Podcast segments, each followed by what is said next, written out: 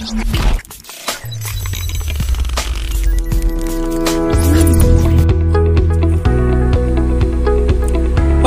assalamualaikum warahmatullahi wabarakatuh. Selamat siang. Hari ini ketemu lagi dengan saya Wahyudi RM. Hari ini saya kedatangan seseorang yang menurut saya adalah orang pertama mengisi suara di podcast uh, Lentera Ilmu ini. Kemarin dia yang sudah cerita tentang RPS rencana pembelajaran semester. Uh, saya yang punya YouTube dia yang ngisi ya, tapi nggak apa-apa lah. Yang penting kita untuk ilmu itu kita saling berbagi. Bukan begitu ya Bu ya? Ya. Nah, kira-kira siapakah dia?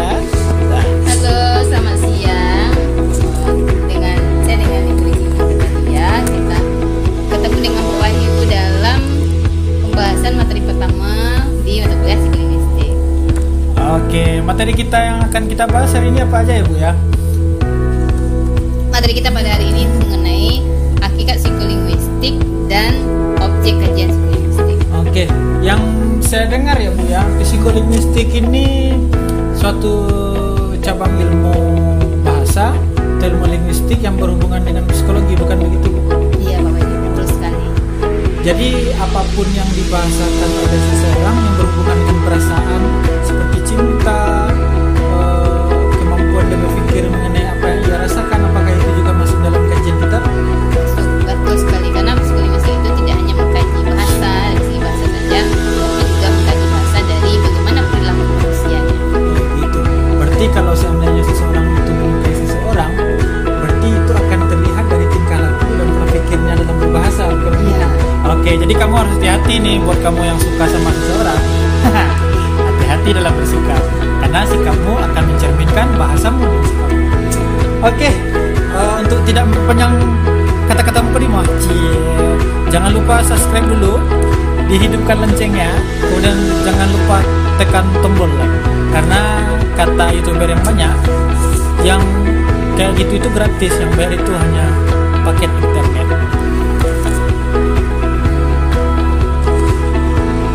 Oke, eh, ya Bu Rici, kita mari cerita-cerita tentang psikolinguistik ini Bu.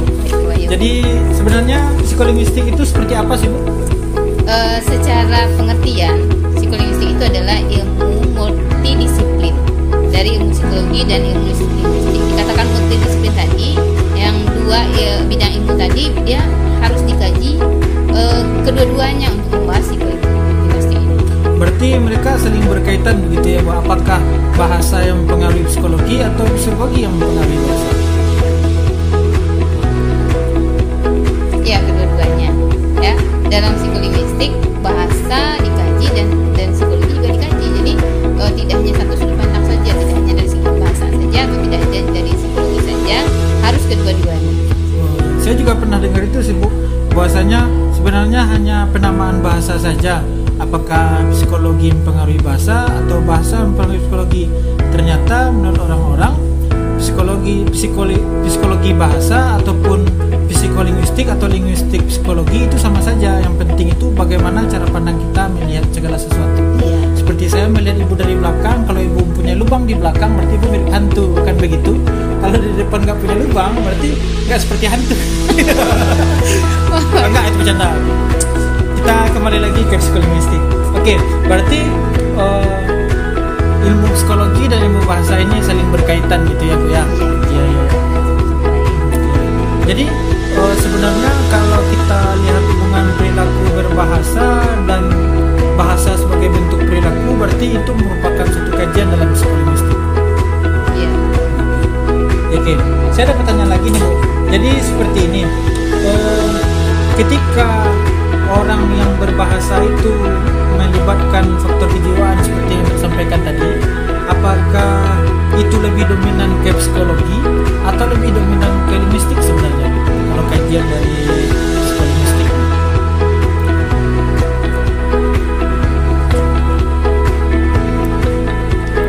Oke, sebenarnya untuk eh, yang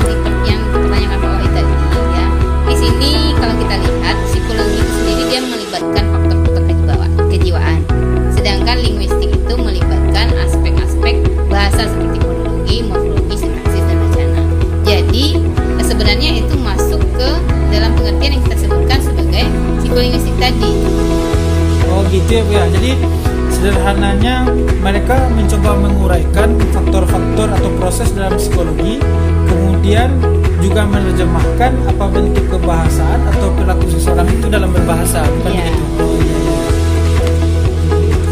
Jadi eh, semakin menarik ya ilmu psikolinguistik ini ya Bu ya. Jadi eh, yang satu hal lagi yang ingin saya tanyakan di sini Bu, sebenarnya bagaimana sudut pandang eh, seorang psikologi terhadap berbahasa? Oke, Eh, mengenai sudut pandang ya, kalau di sini kita lihat eh, sudut pandang psikologi itu sendiri sebagai wujud bahasa ya, Se- eh, bahwa psikologi bahasa sebagai wujud sejauh mana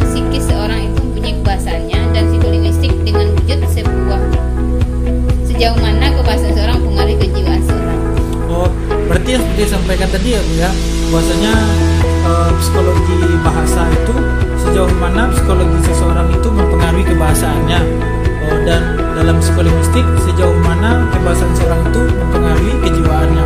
Oh, berarti ada bentuk timbal balik gitu ya ya, berarti kita mau lihat dari mana kalau kita mau lihat psikologi mempengaruhi bahasa berarti kita melihatnya sebagai bentuk psikologi bahasa Ya. Kalau kita melihat bagaimana bahasa mempengaruhi psikologi berarti kita dari pandangan psikolinguistik oh betul. Oh apa lagi?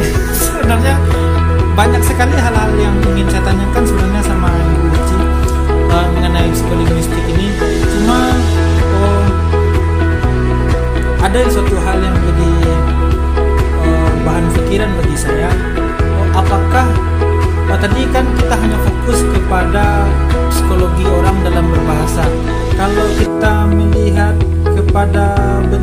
bagaimana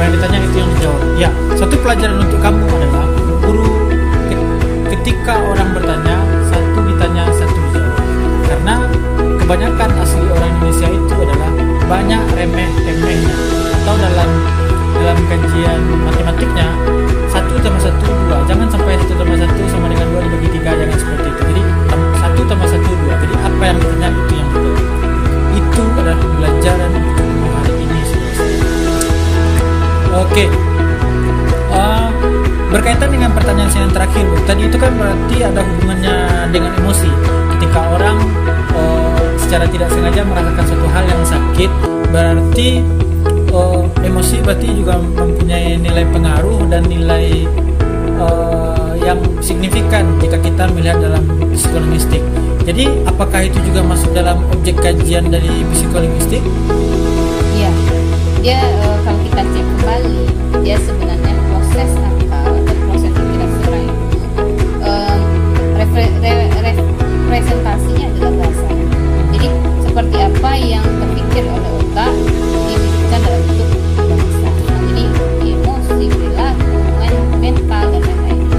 Oh, berarti ada ada ada rangsangan, ada respon.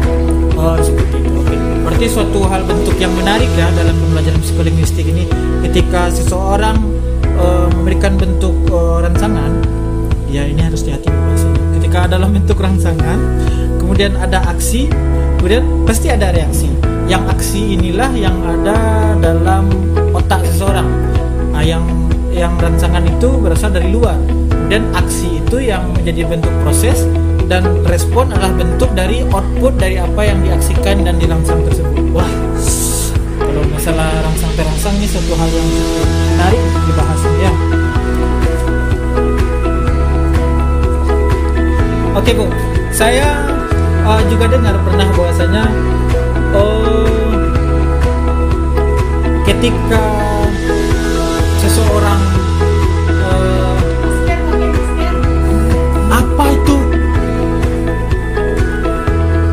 Oke, ada ada sesuatu yang timbul tiba-tiba di belakang saya, bulu kuduk saya saya merinding tapi tidak masalah karena itu bukan satu bentuk orang sangan karena saya tidak terangsang sama sekali.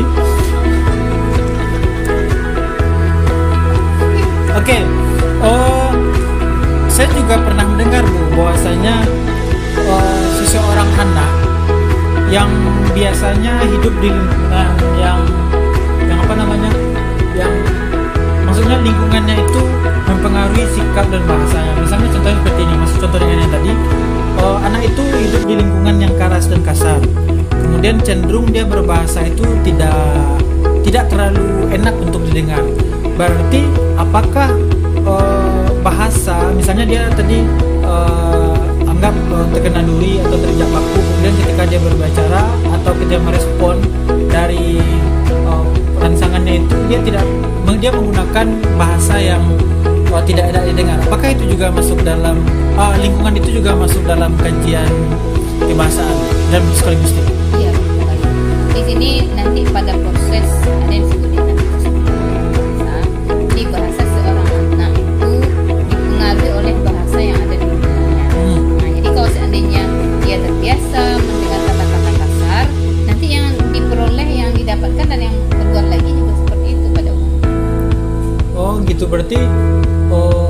lingkungan itu yang pertama mempengaruhi oh, proses berbahasa baik itu anak ataupun tidak anak-anak lagi berarti dewasa remaja juga terpengaruh juga oleh lingkungan.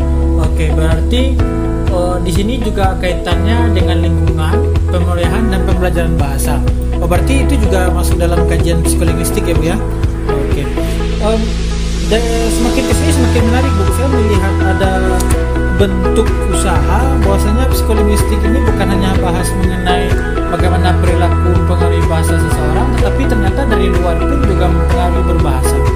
Oke, eh, kalau kita bahas mengenai pembelajaran dan pemulihan bahasa, berarti lingkungan, eh, maksudnya keluarga sebagai orang yang pertama memberikan pengaruh besar terhadap anak, kita fokuskan kepada anak, berarti oh, itu juga masuk dalam kajian psikolinguistik seperti yang disampaikan tadi. Berarti ketika anak membabel, anak mulai berbicara memamikan bis, pup dan lain sebagainya, berarti itu juga bagian dari psikolinguistik dong. Iya. Eh, pada pada proses bahasa itu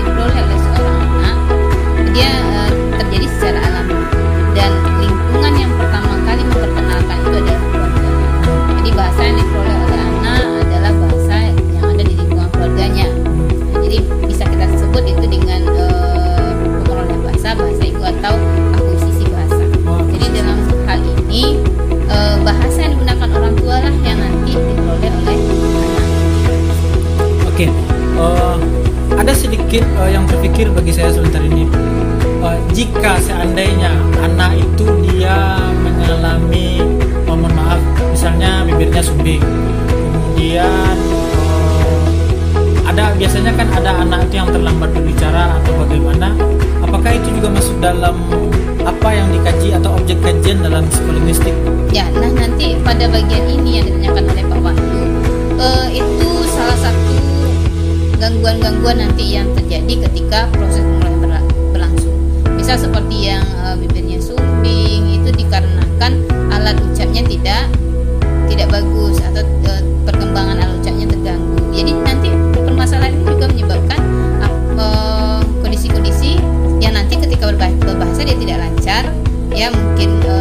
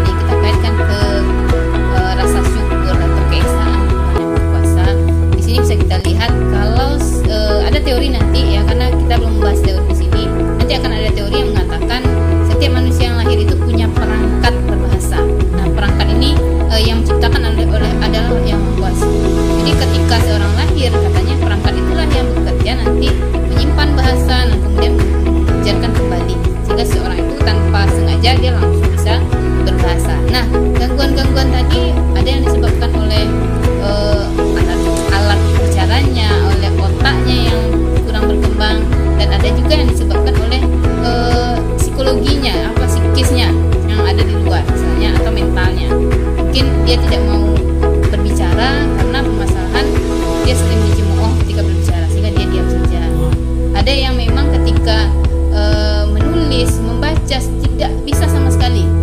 Nah, itu bukan dikarenakan penyakit, tapi kita sebut sebagai gangguan. Oke. Oh, berarti semua hal yang berhubungan dengan bentuk gangguan tadi itu pun berarti bisa ketemu tadi ada menulis, ada membaca, berarti itu kan satu bentuk penyakit tapi suatu bentuk gangguan. Ada gangguan seperti keterlambatan tadi atau memang gangguan karena belum mempunyai kemampuan yang baik berarti. Berarti kalau saya pikir-pikir dan saya ingin kalau proses itu uh, merupakan suatu hal yang penting juga dalam psikolinguistik. Berarti kalau seandainya anak itu mengalami gangguan seperti yang disampaikan tadi, apakah uh, proses tadi itu uh, juga merupakan bentuk bagian dari kajian psikolinguistik?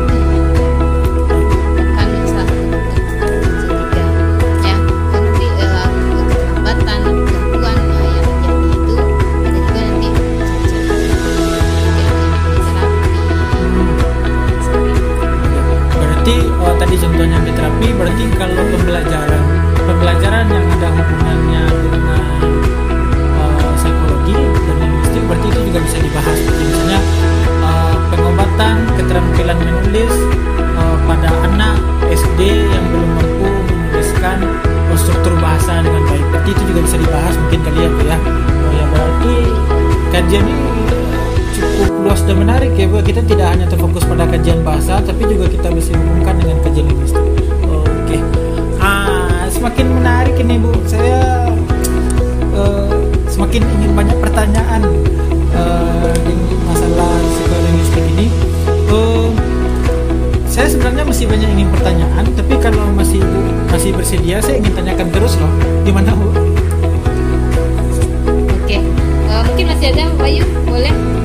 Oke. Okay. Oke, saya kembali ke ke masalah tadi Bu. Uh, tadi itu kan kita masih kita fokusnya kepada psikis dan psiko. Uh, eh, saya ingin kembali uh, di pada proses aksi tadi Bu. Di bagaimana uh, otak uh, mulai bekerja untuk merespon kebahasaan yang berhubungan dengan psikologi. Jadi, seperti apa kira-kira kajian psikolinguistik ini atau kajian linguistik ini yang berhubungan dengan otak tadi sebagai manifestasi alat kerja orang dalam berbahasa.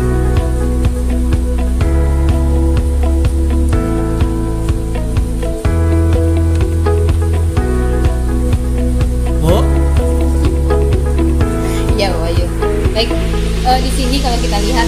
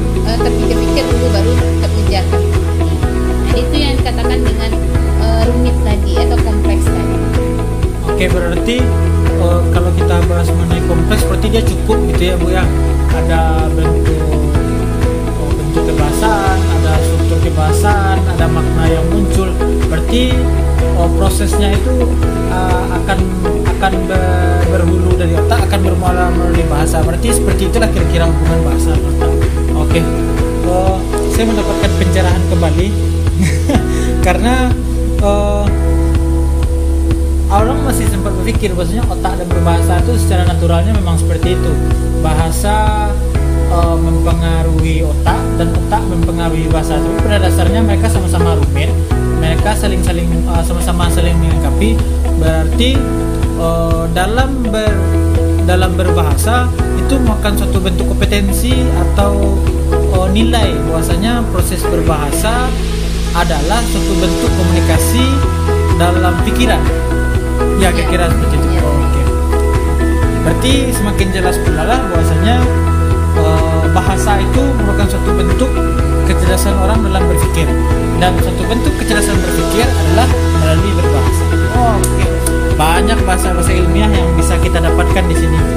Oh, saya rasa oh, nanti akan banyak muncul pertanyaan penting mengenai apa yang akan dibahas dalam psikolinguistik ini bu cuma menurut ibu kira-kira apa yang penting eh, kita pahami secara mendasar mengenai psikolinguistik Oke, kalau kita bicara psikologis tadi ya, ada beberapa poin yang harus kita eh, pahami betul ya. Yang pertama, psikolinguistik itu terdiri dari eh, pembahasan kajian psikologi dan kajian linguistik. Jadi kedua-duanya berperan eh, bagaimana bahasa mempengaruhi eh, bagaimana bahasa mempengaruhi kejiwaan seorang, bagaimana eh, bentuk kejiwaan yang muncul adalah hasil atau proses berbahasa. Eh, yang kedua, bahasa yang dimiliki seseorang eh, proses berpikir pembicaraan yang muncul dan komponen-komponen yang bisa berbahasa itu merupakan objek kajian yang harus eh, dikaji dalam psikolinguistik selanjutnya eh, proses perilaku emosi mental ya ada juga yang kita katakan dengan bahasa ibu tadi bahasa yang diperoleh yang didapatkan secara alamiah yang merupakan eh, bahasa pertama bisa kita katakan. Dan pembelajarannya nanti yang kita sebut dengan bahasa kedua dan seterusnya. Proses penyusunan bahasa proses menanggapi proses berujar nah itu terjadi pada tadi kaitan antara eh, bagaimana bahasa itu diperoleh dan bagaimana bahasa itu didapatkan oleh seorang anak sehingga dia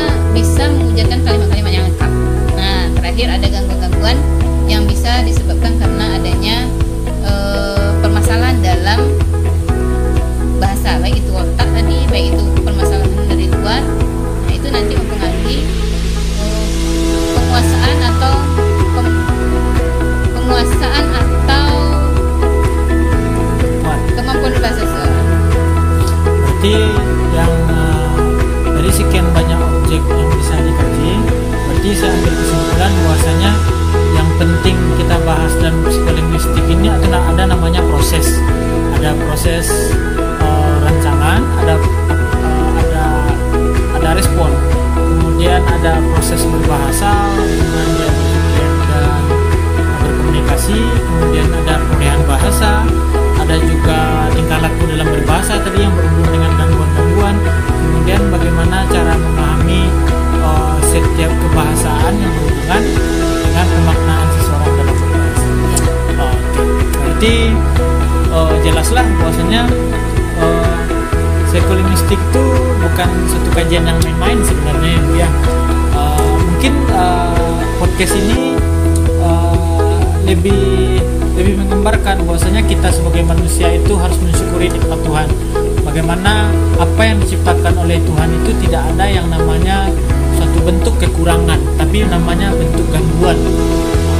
Karena kalau kita garis bawahi tadi setiap apa pun yang dibahasakan manusia berhubungan dengan psikologi ya dan uh, fisik seseorang ataupun otaknya dan pikirannya itu sangat penting sekali dan oh, harus kita pahami karena dia merupakan satu hal yang menarik dan kesatuan yang penting untuk kita bahas dan kita pelajari. dan kita perhatikan. Oke, terima kasih Bu Ici. Setengah jam yang sangat luar biasa. Walaupun sederhana tetapi sangat menarik untuk kita bahas. Uh, uh, satu hal yang uh, yang harus kita petik hari ini adalah Tuhan menciptakanmu dengan sebaik-baik bentuk. Walaupun pada dasarnya kamu mengalami gangguan ada sesuatu yang bisa kamu maknai dari apa yang kamu dapatkan tersebut. Intinya selalu bersyukur. Kalau dalam podcast saya itu saya selalu bicara seperti ini. Uh, yang penting berkarya dulu suka atau enggak itu penilaian orang lain. Terima kasih saya Wahyudi RM bersama mengucapkan terima kasih. Jangan lupa subscribe YouTube kami Wahyudi RM dan Cici Gemanita Talia nanti ada di link di deskripsi. Jika ada pertanyaan ada diskusi kami akan biasanya akan langsung jawab jangan lupa tinggalkan komen di, kolom pertanyaan tersebut. Oke terima kasih. Selamat siang. Assalamualaikum warahmatullahi wabarakatuh. Waalaikumsalam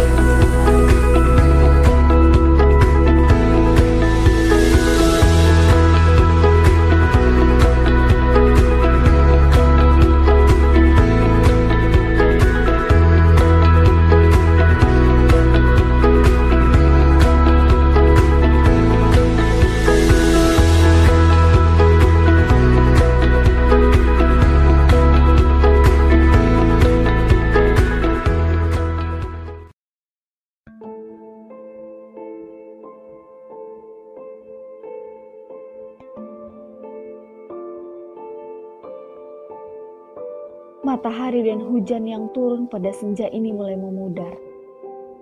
Terurai wujud malam dalam rusuh penantian. Senja tidak cerah. Tertutup mendung dalam ketakutan.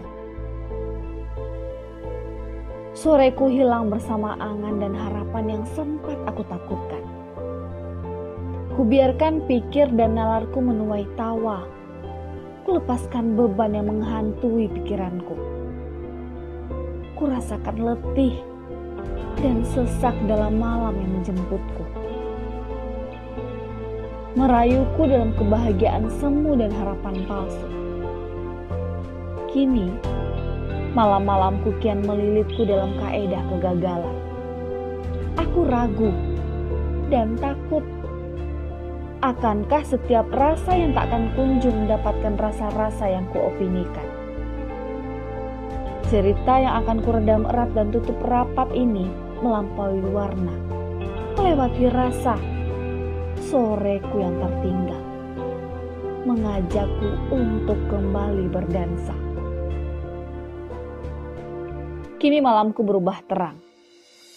Ada secerca harapan redup dari sebingkai ideologi pemikiran yang menuntunku memecahkan misteri bintang yang berkedip manis kepadaku. Ah, aku terpana. Aku tersipu.